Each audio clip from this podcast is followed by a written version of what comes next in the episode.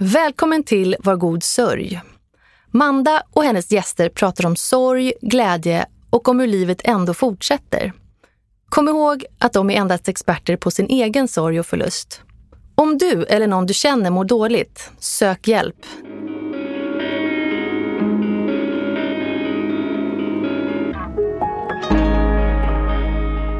Jag heter Manda Ersgård och är mamma, barnmorska, journalist och ja, tyvärr änka. Vintern 2019 knackade döden på min dörr. Brutalt och helt oväntat förlorade jag min man efter hans självmord. Jag upplever att möten med människor i sorg är så tabubelagt och skrämmande att det är lättare att inte prata alls. Så kan vi verkligen inte ha det. Vi måste våga öppna upp för det som skaver och inte alltid är så himla glatt. Jag ska träffa människor som drabbats och dela med sig av sin sorg och förlust i alla dess former. Men viktigast av allt, deras glädje, skratt och igenkänning. Faktum är att sorg faktiskt drabbar alla förr eller senare på ett eller annat vis.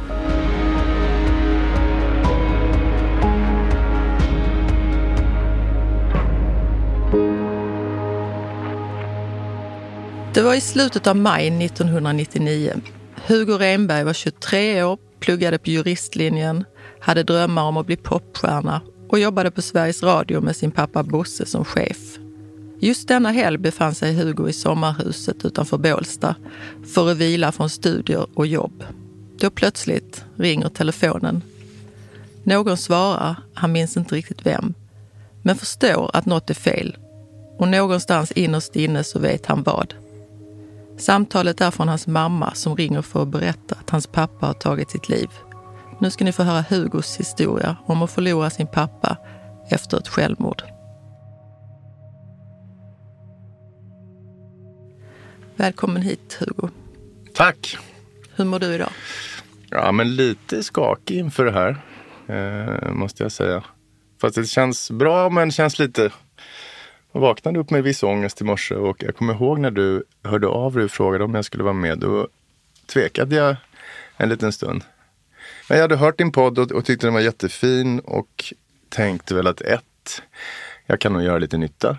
Förhoppningsvis för någon genom att prata. Och två, det kan nog vara bra för mig att sortera tankar. Igen. Jag har gått i oerhört mycket terapi på grund av det här. Men eh, det var länge sedan nu, så det kan nog vara bra. Du var ju så ung. Du var ju på ett barn fast på väg in att bli man. Mm. Berätta, stod du väldigt nära din pappa?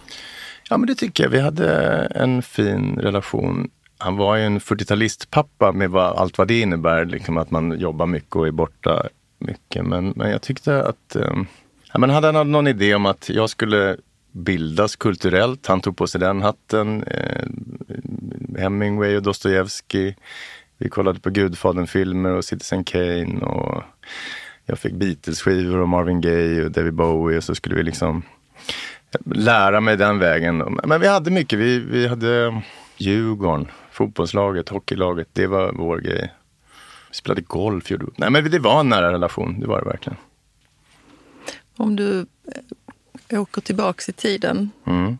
Den här som jag berättade innan när du var i sommarhuset. Mm. Hur, vad hände? Det är intressant med de där samtalen som är så centrala. Jag minns ju precis allt. Vi var i ett litet torp som var min mammas utanför Enköping någonstans där. Jag var där med min flickvän och min kompis och vi spelade TP tror jag, på en lördagkväll. Och så ringde telefonen, en sån här gammal grå bakelittelefon som var i det där huset. Och det var någon annan som svarade och man märkte att det var något konstigt. Och jag tog luren och så var det mamma. Och jag visste då att de, eh, de var ju skilda sedan länge, min mamma och pappa, men de hade en fin vänskapsrelation. Så de var på Gotland tillsammans den här helgen. Och då sa hon, det allra värsta har hänt, sa hon. Och där förstod jag. Vilket var ganska konstigt för att jag, jag, visste att pappa inte mådde jättebra men det hade aldrig någonsin slagit mig att han skulle ta livet av sig. Det fanns liksom inte i, i um, min värld där. Men när hon sa de där orden så förstod jag. Och så gick det en sekund och så sa hon, din pappa är död. Eh, han har hängt sig. Och sen kunde jag nog inte prata så mycket mer den gången. Men, men det var frapperande där att fan, jag förstod fast jag inte hade kunnat ta till mig innan. Just de där signalerna med telefonsamtalet som ringer till dig, har det haft någon effekt på dig efter? Eller något du har tänkt på? Alltså det har ju skapat en otrolig sån här katastroforo som är kopplad till telefonsamtal. Ett katastroflarm som, som eh, när någon ringer för sent på kvällen eller om någon ringer tre gånger i rad och verkligen vill ha tag på en, då, då kopplas den där på direkt. Att jag tror att nu har någonting fruktansvärt hänt. Nu har min son blivit överkörd. Eh, min, det har hänt något med min fru. Och jag har bråkat så mycket med min fru om det där för att hon greppade inte det där först. Att, du vet, man är hetsig och vill ha tag på någon och så ringer hon tre gånger. Och för mig, världen rasar samman varje gång så det där har verkligen eh, etsat sig fast på något oerhört sätt. Och jag har varit så jävla arg på henne emellanåt när hon ringt. Och sorgligt nog kopplat till min mamma då också, när hon ringer så tänker jag, men fan, vad är det nu då? Eh, så att det blev effekten av att dödsbudet kom via ett telefonsamtal. Telefonen och samtal där är otäcka.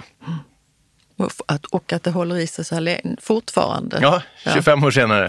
Det, det kommer nog hålla hela livet ut. Om vi nu ringer till varandra om 25 år, det är inte säkert att vi håller på så då. Nej, vi får se. Du jobbade ju med din pappa på Sveriges Radio.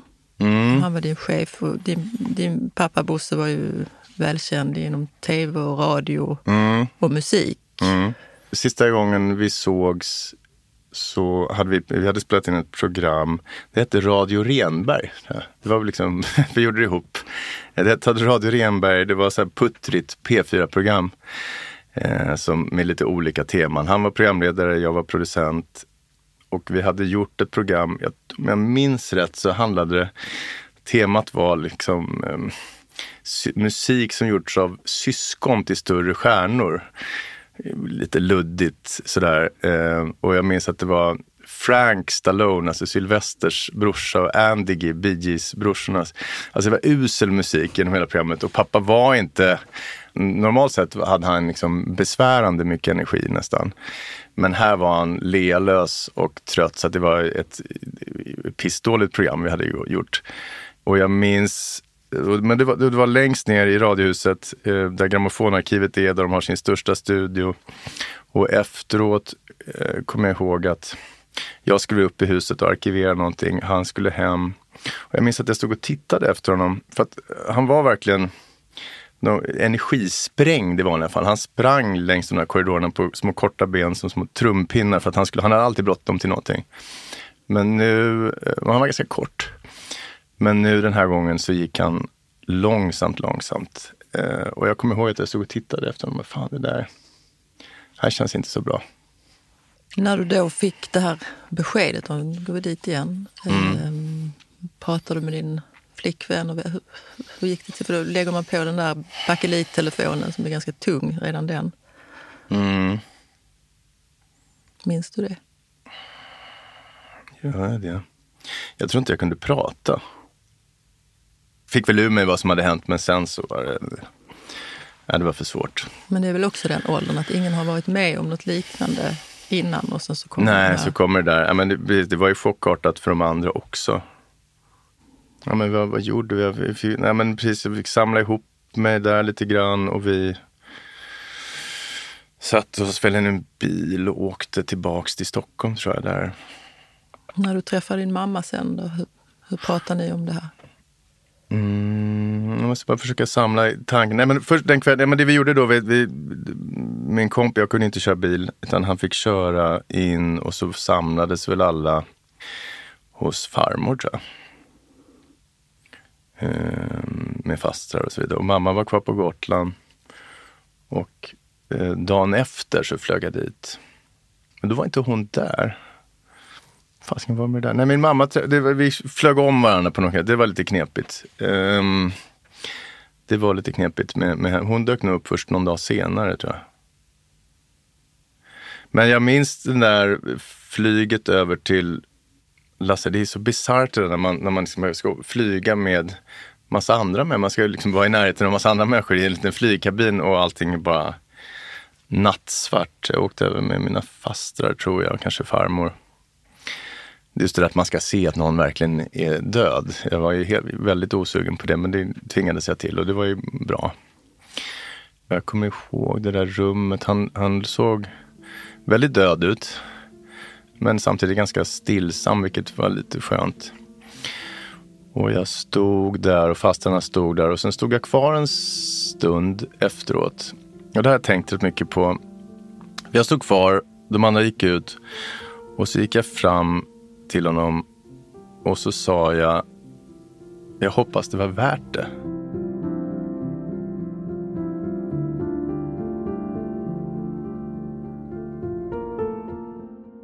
Var du själv inne i rummet? Precis, det var bara jag kvar. Jag, det var hela idén att jag skulle stanna kvar. Och skulle jag, alltså det var inget jag hade tänkt att jag skulle säga. Men jag har tänkt på de där orden, för de kom väldigt, det kom, kom um, naturligt. Och det låter ju anklagande och lite hårt. Jag var liksom inte arg eller förebrående utan Eftersom ni hade så nära relation, ni jobbade ju ihop så nära och helt mm. plötsligt så gör han det här mot dig. Mm. Eh, att han hade hållit någonting hemligt. Som... Ja, men om, om jag går, går tillbaka till det där, så, så varför sa jag de där orden? Eh, och jag tror framförallt att det var utifrån känslan att fan vad dåligt du måste ha mått. Du valde att göra så här, du valde att ta slut på allt. Ja, men trots att du vet att allt tar slut och trots att du vet att det skapar ett jättetrauma för mig, eh, min syrra, din mamma. Så jag hoppas att det var värt det. Det var liksom inte... Ja, men det var inte så hårt som det lät. Och, och det där speglar egentligen hur jag har förhållit mig till det här alltid tror jag. Det är klart att jag, en del av mig har varit arg men otroligt mycket har jag känt att fan att du behövde må sådär. Får du någon dåligt samvete för att inte du såg? Ja, eh, det kan jag ha. Alltså, när man är 20 år, jag var så jävla självupptagen. Det kanske jag är fortfarande, men, men då... Alltså, man är ju inte så utvecklad. Man tror att man är vuxen, men det är man ju inte. Eh, och jag hade så otroligt fullt upp med mitt. Jag pluggade, jag hade något uselt pojkband med mina kompisar, trodde på allvar att jag skulle bli popstjärna det, det där uppehöll mig mycket. Eh, och jag festade. Det var, ja, men det var ett 20 någontings liv som var väldigt mycket jag, jag, jag. Eh, så det är klart att jag lite har förebrått mig och tänkt att varför kunde jag inte se tydligare? Kanske ville jag inte se. Men å andra sidan var min pappa, han var en sån viljestark människa så att jag hade inte kunnat hindra honom från det där ändå. Sen tror jag också att jag undanhölls lite grann av släkten. Jag tror att de äldre förstod mer. Så de hade inte berättat under tiden hur han mådde egentligen? Nej, men nej, inte riktigt. Jag, jag tror kanske att jag skyddades lite grann.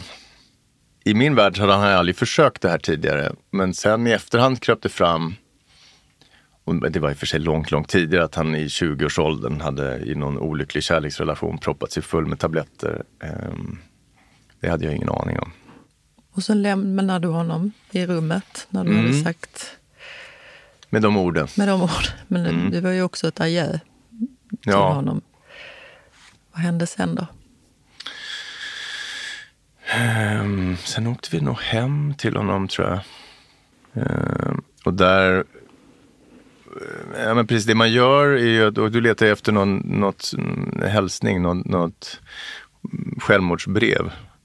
Så det höll jag väl på med lite grann och tittade och tänkte och letade i hans bokhyllor eller överallt, men det fanns inget. Och det dök aldrig upp någonting, så att något sånt hade han inte skrivit. Sen var det väl mm, alltså, väldigt blurr den här första tiden. Jävlar vad svårt. Och man mm, fattar och fattar inte och allting är märkligt. Och, och eh, alla välvilliga, vänliga människor som hör av sig det är jättefint. Ja, men det är så omtumlande där i början. Så det, det, det där är en viss liten period av sorgen som är... Ja, men det är verkligen som att vara mitt inne i en torktumlare och som pågår, tyckte jag, fram till begravningen nästan. Det är, det är praktiska saker, det är människor som hör av sig Och eh, ja, man håller på och håller på. I här fallet var det också att leta efter ett självmordsbrev som inte fanns. Ja, det, var, det är en period och sen kommer en period, ja, men sen börjar det riktiga livet på något vis efter begravningen. Hur man, och då blir, blir det annorlunda.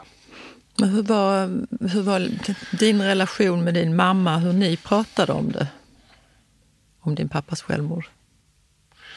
Ja, men mamma och jag har, vi har ju, de var skilda och jag levde med min mamma framför allt. Och vi har en jättenära relation. Hon är psykolog och klok, som du va? jag är inte psykolog. Nej, men klok. Då. Men klok. Nej, men hon är väldigt klok. Eh, men det, det, som var jobbigt här, det var aldrig jobbigt för mig, men det var ju jobbigt för henne. Hon var ju där, så hon hade ju sitt dåliga samvete. Som hade åkt på någon ärende eller vad fan det var. Eh, och det skulle hon ju inte ha. Nej, men vi pratade öppet och mycket om det och framförallt fick hon ju mig väldigt snabbt att gå i terapi. För det gillar hon, tycker hon är viktigt och bra och det hade jag aldrig gjort tidigare. Men hon skickade mig till en man eh, som för övrigt sitter väldigt nära den här studion där vi är just nu. Bara några kvarter bort. Gjorde du det bara sådär? Ja, det gjorde jag. Eh, det gjorde jag. Nej, men jag hade nog inget emot det och jag kände nog att det behövdes. Och det slutade med att jag fram och tillbaks gick till honom i tio år efteråt. Det finns ju också en tendens att lägga locket på när det gäller eh, Ja, det har jag nog gjort. Um, lite grann. Det kan jag känna nu för det blir så känsligt när jag pratar men, men ehm, det är väl ännu mm, större tecken på att det är nyttigt för mig. Men, ehm, men terapin var inte locket på utan då pratade jag om det varje vecka ut och in, vred och vände. Vi pratade väl om andra saker också men det här var ju huvudtemat genom alla åren. Jag kunde hantera pappas självmord ganska bra när jag var den vuxna, eller i alla fall halvvuxna Hugo. Men så fort eh, jag började prata om min barndom och det var liksom lilla pojken som hade blivit övergiven, då bröt jag samman. Det är ju det här när den, den lilla Hugo mm. får komma fram som, som verkar vara allra jobbigast för dig. Det är det ju verkligen. Jag vet att när jag var liten liten så brukade min pappa säga om du dör så dör jag också. Och det där var ju en jättefin kärleksförklaring till mig som litet barn. Och det är precis så man känner som förälder. Dör mitt barn, då dör jag också. Men jävla vad den där meningen blev knepig att tänka på sen. Men om du dör då?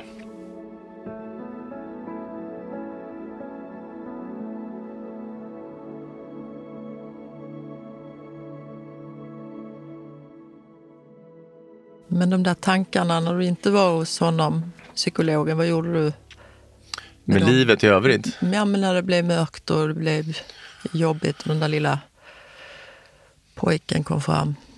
Ja, men då grät jag och grät jag och grät jag tror jag. Tror inte att jag kunde frammana riktigt de känslorna för mig själv, utan de kom precis där. Däremot hade, man ju, jag hade jag ju mina små ritualer för att, som man har för att hålla de döda vid liv. En ritual som, som jag vet att du hade, mm. det var, eller om det var en ritual, att du lyssnade på, du stängde inte telefonabonnemanget. Precis, jag lät hans telefonabonnemang vara kvar för att ringa telefonsvararen. Precis, det gjorde jag jättelänge och väl. Ringde och lyssnade på hans röst. Nej, men jag har haft hur många grejer som helst för mig genom åren. Jag sover fortfarande i hans säng. Vilket min fru tycker är sådär. Det var ju nu 25 år sedan snart. Men det var en fin säng. Ja. Eh, nej, men hon vill slänga den då och då. Jag förstår henne, men eh, det får hon inte. det måste liksom braka ihop först. Och sen, vad jag med? Ja, men jag, någon, jag, jag, vet att jag skrev om det där någon gång. Eh, jag hittade en gammal perm Eh, man flyttar, man tar med sig saker. Jag har flyttat massa, massa gånger så man trycker ner lite saker i lådor och tänker någon dag. Och så var det någon dag som jag hittade en gammal perm som var eh, hans låttexter. Han var, I början på 70-talet så skrev han låttexter som man gjorde då. Du översatte äh, utländska hits och, och gjorde dem till svenska och så fick Lill Lindfors eller Sten och Stanley och de spela, in, spela de där in dem igen. Och så blev det svenska hits. Eh, och det där var hans extrajobb i början på 70-talet. Han satt och skrev texter och jag minns att jag hittade en perm som det stod låttexter 1974 kan det ha varit kanske. Och då var det enormt många handskrivna små, små låttexter. Alltså du hade den ena originaltexten på ena sidan och så den svenska på den andra och så såg man, liksom, man kunde följa hans, han hade med sig alla ar arbetspapper, man kunde följa liksom, hur han hade tänkt och ehm, ja, vad det blev och vad, det här blev lite fel, strök han över. Det var väldigt fint det där, att sitta och titta på hans, hur han då satt och jobbade i början på 70-talet. Den har jag haft och kunnat gå och titta ibland. Um... Han hade ett alias. Ja, precis. Just det, det hade han. han hade, precis. Alla de där texterna var ju inte jättebra. Vissa var ju otroligt dåliga eh, faktiskt. Och då kallade han sig för, han hette ju Bo Renberg. Men de uslaste texterna, då, man såg då hur, hur han liksom hade skickat in, man skickar in till STIM slutgiltigt och då stod det E. Boberg på allting. Och då kunde man då se, det, fan allting som är värdelöst av det här alltså Boney M-översättningar, liksom riktiga i. då heter det E. Boberg. Men när det var bra så hette det Bo Renberg. Så att han, han gömde sig eh, på de dåliga. Men de bra var jävligt bra. Han låg etta och tvåa på Svensktoppen någon gång, kanske 75. Det var mycket stolt över. Och den ena var den eh, sången han sjöng var min egen, som är Killing Me Softly på svenska, som Lill Lindfors sjöng. Jättefin text. Och den andra var Så gick det till när farfar var ung, hette den här. Men det är ju det, det är så viktigt att hålla de döda vid liv på olika sätt. Jag har haft mina metoder, jag har skrivit mycket om min pappa, pratar om honom ganska ofta, eh, tänker på honom jätteofta. Ja, men man hittar sina olika, mm, olika sätt för att hålla dem vid liv. Så att de inte, det är, man är livrädd för att de ska glömmas bort. Ju. Du pratar med din, om din pappa med väldigt stor kärlek. Ja, men och det gör jag verkligen. Jag minns honom med kärlek. Det är så lätt, med ett självmord så är det så lätt att man, det är det som definierar och, och det där är ju jätteviktigt för mig att det det får inte bara vara det med min pappa. Ehm, men det är det inte bara. Alltså jag har, tycker jag, det är klart att det, det finns där hela tiden, men jag minns också allt kul. Alltså han var en, en jätterolig och smart och slagkraftig och lite knäpp person. När jag var tonåring så då var de skilda mina föräldrar och då var det viktigt för honom att hitta någon far och son-grej. Så det vi gjorde var att vi började spela golf ihop.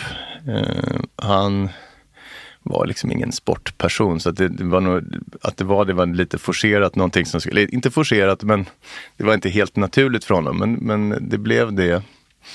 Och vi spelade golf på gott Gotland, för där bodde min faster, där var vi mycket. Och han var usel eh, på golf verkligen. Det var, han var stressig liksom, som person. Och han, det var som att, att slå en golfsving var det var liksom för lång tid för honom så att han hafsade alltid igenom den där lite halvt och det som händer då är att bollen far ut till höger och så blir det slice och alla bollar försvinner hela tiden. Och på den här golfklubben eh, så fanns det ett stort vattenhinder på ett hål och han hatade det här vattenhindret för att han lyckades aldrig någonsin slå över det. Eh, man kanske behövde slå bollen 100 meter för att den skulle komma över och ja, det brukade gå bra för mig och han blev alltid att han slog tre, fyra bollar ner i det där vattnet. Och vattenhinder är sådär bollarna som hamnar där går, ska gå till junior, alltså man ska, de ska plockas upp av juniorerna och så ska man köpa dem och eh, så ska det gå till ja, juniorklubben så att säga. Och när han, i slutet av en sommar så hade han slagit 200 bollar ner i det där vattnet och då till slut så liksom det var någonting som bara vrickade till, det här går inte längre. Så att han eh, tvingade mig att stanna kvar på, på golfklubben eh, tills det blev kväll tills alla hade gått hem, tills golfrestaurangen hade släckt ner. Eh, och sen fick jag ställa mig eh, på spaning. Vi, vi åkte, gick tillbaka till just det här golfhålet. Jag fick ställa mig och spana. Han drog av sig alla kläderna. Eh, vadade ut i kalsonger. Eh, väste till mig, kommer någon, kommer någon, kommer någon. Och sen började han fånga upp boll efter boll efter boll, alltså inte bara sina, allting tills han hade fått upp 250 bollar från det där vattenhindret. Och då var det liksom, då kunde han andas ut. Nu får jag, jag har fått igen. Ren stöld helt enkelt. Ren stöld. Men det var mycket sådär. Han var, eh, det här var liksom lite halvkriminellt, men det var, han tänkte lite annorlunda. han blev förbannad kanske. Liksom, Ja, han blev förbannad. Eh, men, eh, ja, men så det var, det var kul med honom. Det hände liksom eh, balla grejer ganska ofta. Finns det också åt andra hållet? Att du minns saker som inte var speciellt... Ja, men precis det där. Det är så lätt att romantisera de döda, eh, tycker jag. Eh, att man bara gör dem till änglar. Och det var han ju verkligen inte. Utan han kunde vara hård och han var jätteverbal. Så att när han ville trycka dit den, då blev man dittryckt utav helvete. Så att, eh, jag minns, han var bra på att göra en ledsen om han Ehm, jag vet inte om han ville, men det blev effekten. Så att absolut, det kunde vara... Och det där kan vara, det där kan vara knepigt att tänka på i efterhand för att förmodligen, han fick aldrig någon diagnos, men jag i efterhand skulle jag väl gissa att han var bipolär för att det gick väldigt mycket upp och ner eh, hela tiden. Och eh, han mådde väl som bäst då när det var upp. Så det är när man blir manisk, men då var han, kunde han vara jävligt jobbig. Så jag kunde tycka det var besvärligt att vara med honom när han var på sina highs. Och när energin var liksom en topp, högsta växeln. Så att han var nästan skönare att vara med när han var i sina låga, för då var det mer stillsamt. Det var, blev en lättare person att vara kring. Men, eh, och det där kan jag ha lite dåligt samvete för, för det var ju då han mådde som sämst. Men, men för mig kunde det vara enklare att vara med honom då. För det blev stillsammare. Jag tänkte att jag skulle kasta mig tillbaks lite igen Mm. till eh, när du... eh, Det var när din pappa hade gått bort och så var det en begravning. Mm. Minns du den? Ja, det gör jag absolut. Det var en överfylld kyrka. Det var ju fint. Mycket folk där.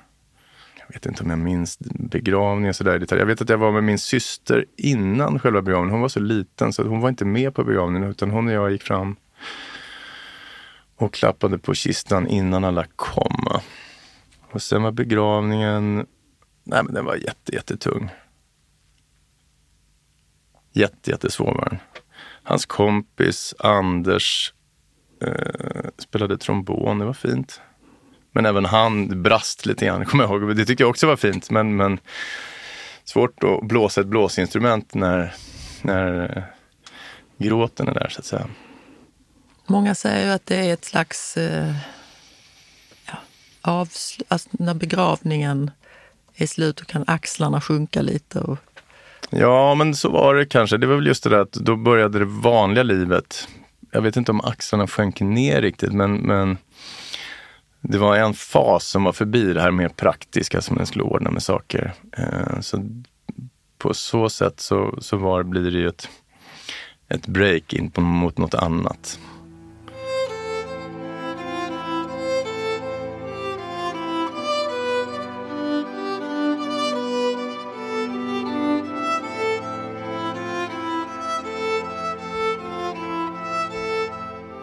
du pluggade Mm. till jurist, men sen hoppade du av. Ja, men det där var ju lite intressant för att min tanke då när jag var 23, jag läste på juristlinjen och jag höll på med musik och det var väl det.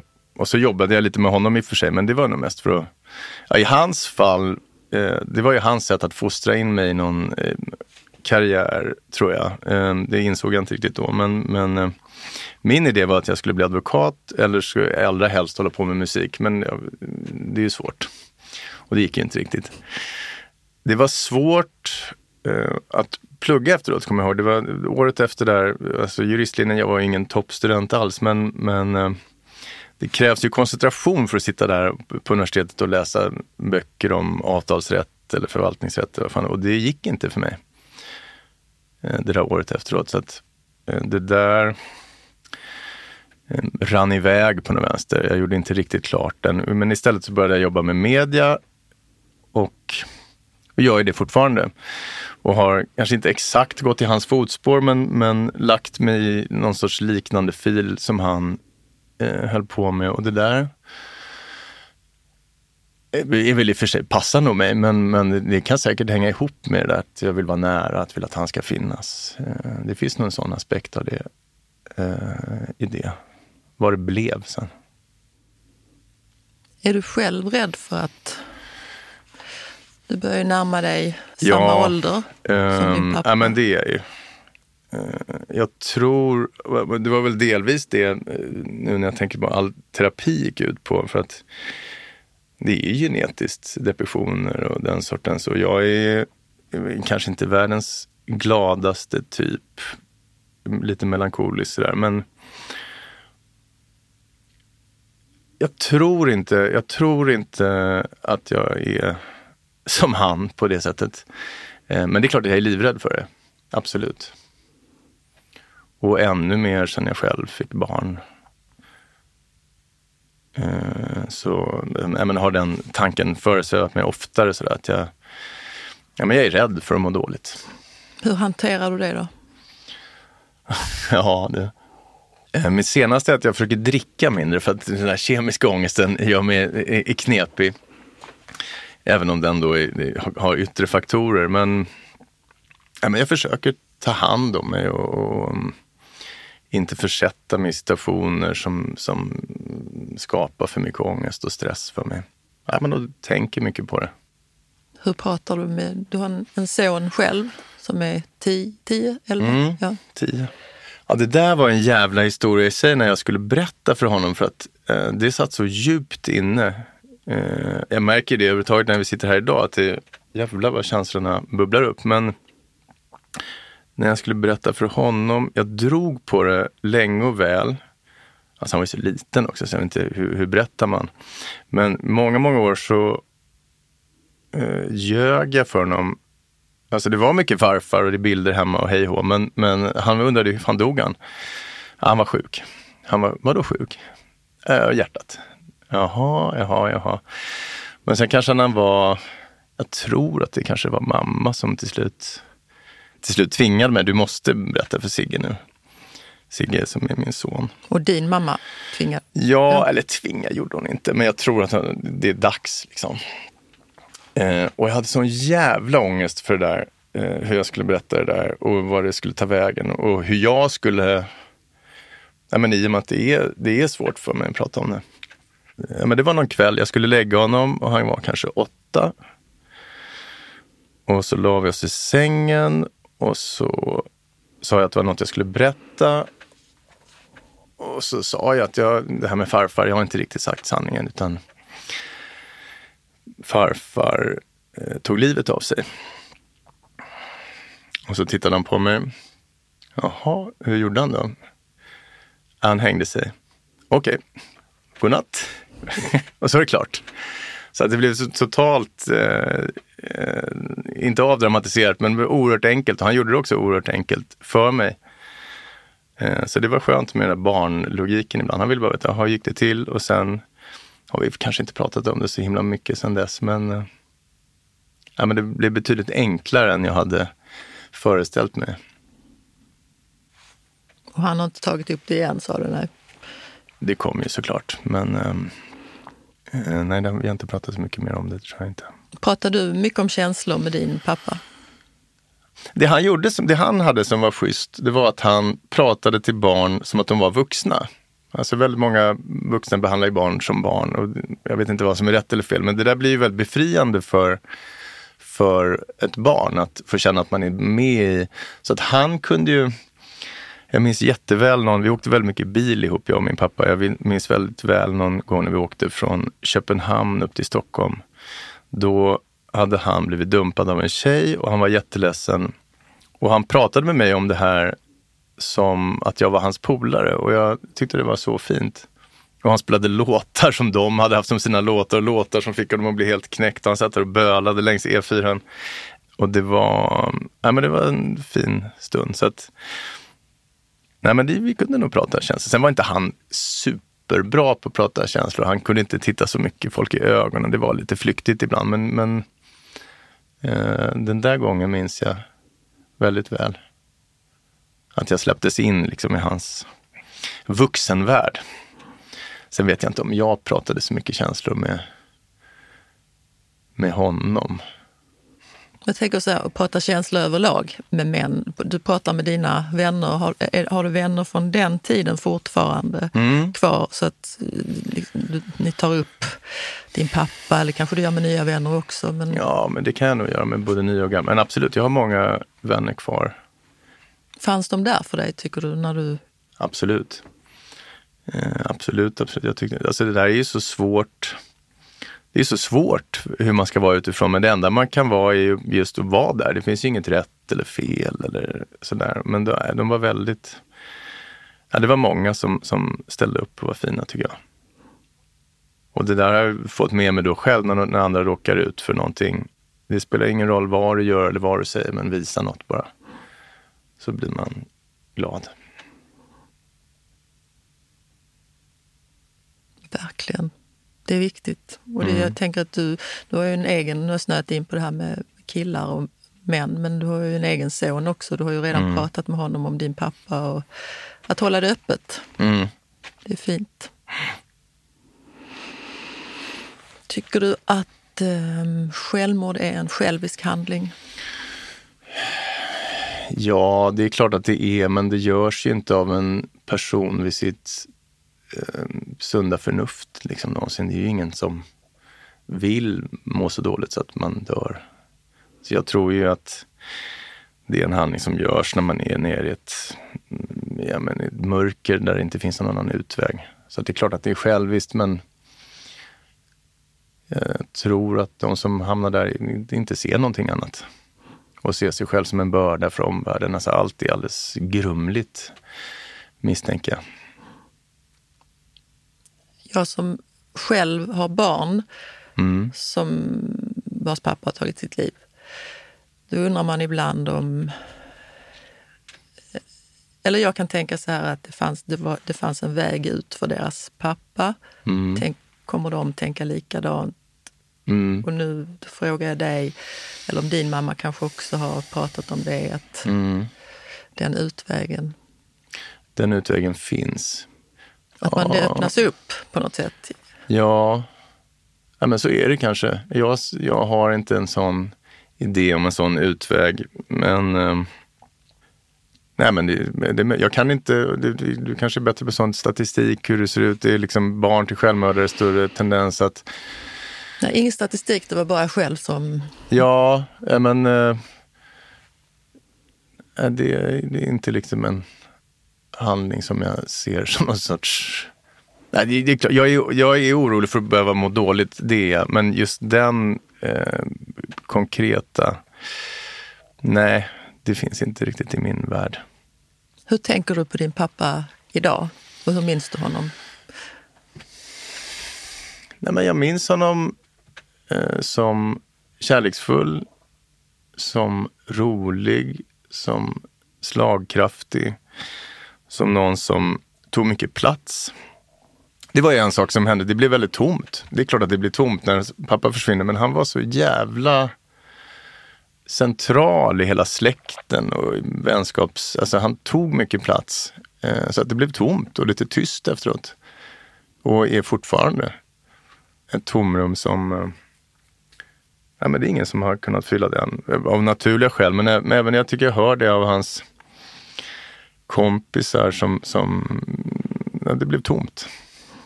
Helt enkelt. Men, nej, men jag minns honom med jättemycket värme.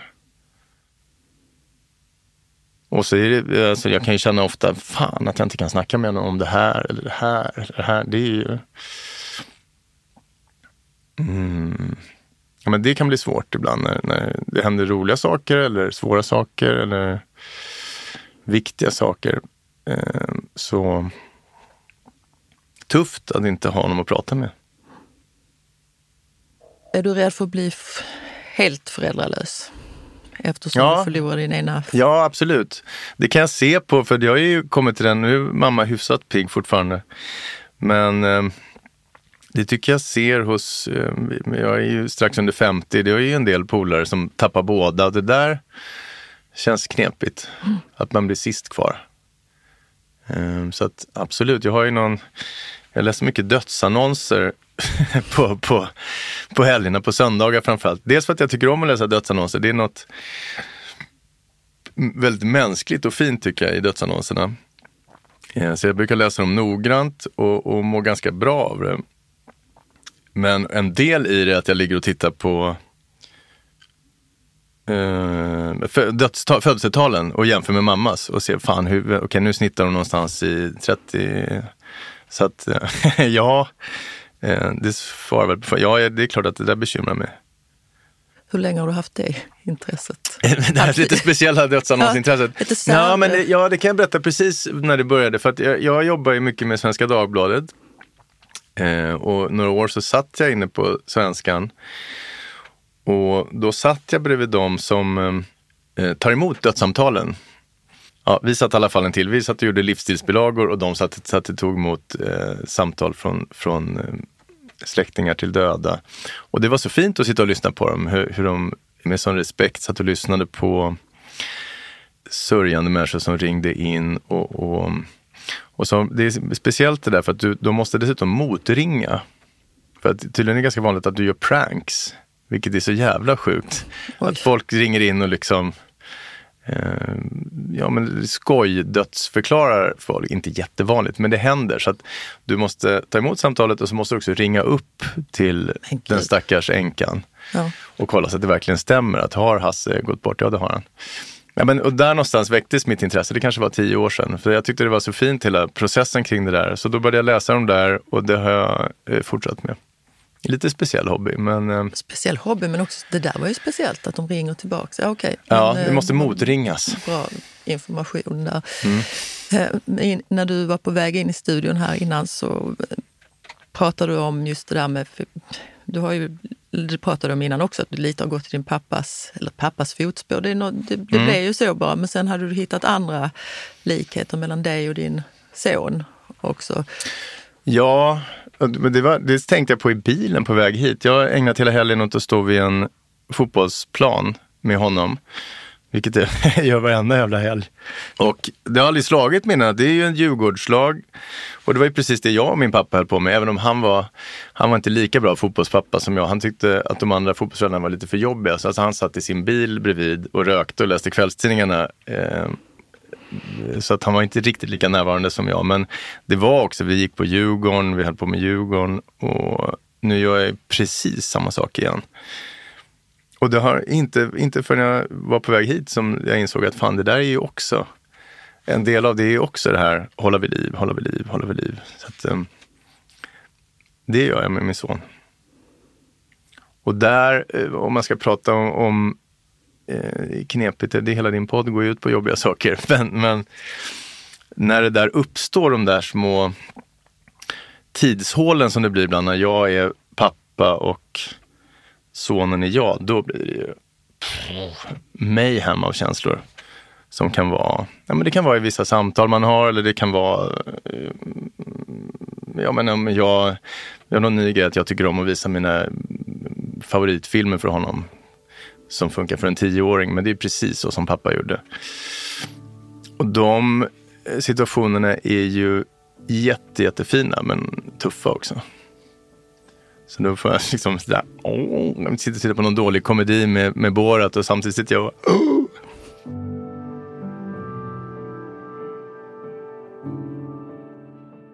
Du känner ju mycket människor som har jobbat med honom, med din pappa, inte med din son, med din mm. pappa. Mm. Det måste ju också, eftersom du nu, just det här med att hålla vid liv, att människor vågar prata med dig eh, om din pappa. Mm. Det känner du väl att de gör? Ja, jättemycket. Ja. Nej, men känns jag, det bra? Nej, men det känns jättefint, eh, tycker jag. Ja, precis, så är det. Jag har ett företag tillsammans med en tjej som är brorsdotter med en av pappas bästa kompisar. Så att, nej, men jag håller på hur mycket som helst och schackrar med det här. Mer eller mindre medvetet, tror jag. Men eh, när jag tittar på det utifrån, när jag sitter här och ska förklara det, så inser jag, fan vad liksom, eh, vad jag håller på. Men eh, jag hade nog inte velat ha det på något annat sätt. Går du till hans gravplats ibland? Nej, den, den tycker jag är, eh, den, den ger mig ingenting. Den är inte så fin, men eh, framförallt så ger, han är inte där för mig.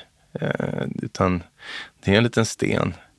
Jag kanske är där en gång om året och lägger någon blomma, men den, nej, men den fyller ingen sån funktion för mig. Jag gör inte heller så. Jag tycker inte heller det är liksom det viktigaste. Människor tycker ibland att ja, men för födelsedagar och dödsdag och så där, då går man till mm. och det gör man ju om man vill. Men där har jag, om jag nu snurrar in på mig, att jag mm. gör inte så. Utan jag, personerna finns ju där mm. hela tiden. Hur gör du? Födelsedag till exempel. Ingenting alls. Glömmer bort den, glömmer bort alltså, Jag har inga såna där, födelsedagen passerar, numera är det faktiskt så att till och med dödsdagen passerar. Eh, utan att jag, jag har ingen sån där ritual, någon speciell dag, utan han finns hela tiden. Du sover i hans säng? Ja, det är väl något varenda jävla dag. Sen var det något speciellt, det där, fasiken har det kommit dit än? Jo, det har ju, när jag faktiskt har levt längre med honom. Nej, jag har levt längre utan honom än med honom. Och den där dagen har passerat. Och där vet jag att jag tänkte mycket kring innan. Fan, det där kommer bli jobbigt. Varför det nu skulle vara det. Men det där, liksom, kikade på det där datumet. Det där kommer bli besvärligt eh, av någon anledning. Men det blev det ju inte. Och jag tror att den där dagen gick utan att jag ens tänkte på att den var. Men nej, eh, precis. Jag sover i hans säng varje dag istället och skiter i eh, bemärkelsedagarna.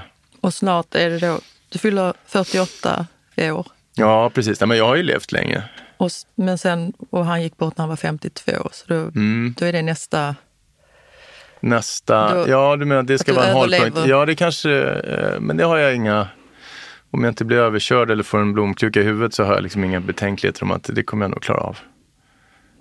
Så den är ingen, nej men jag har nog inga sådana där specifikt, det är jobbigt ändå. Men det är jobbigt ändå utan att behöva hålla sådana där små jobbiga små hållpunkter. Du behöver inte ha några. Nej, nej, nej, det är tufft så det räcker. Fortsätter du med terapin?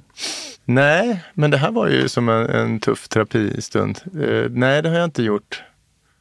Vi, vi pratar ju mycket i det här programmet att man ska prata med varandra och att det är liksom din historia kommer att öppna upp för fler mm. att våga prata. Och du, jag var fascinerad över att din mamma lyckades få dig till terapi direkt. Mm. För det sa du innan att det hade hjälpt, hjälpt dig. Det är kanske därför också du mer vågar prata om det och vill. Ja, men jag, jag tror det. För att det där det gav mig så mycket då. Och ja, men precis, återigen, när du hörde av dig så var det, uff vad jobbigt. Eh, men kanske kan det hjälpa någon annan och kanske kan det hjälpa mig igen lite grann.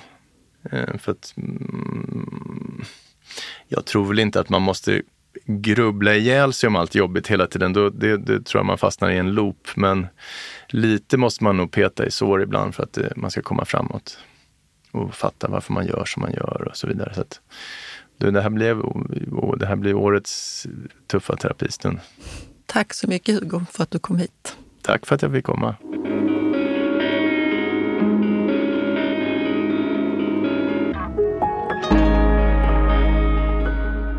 Var god sörj görs av Manda Ersgård och Stray Dog Studios.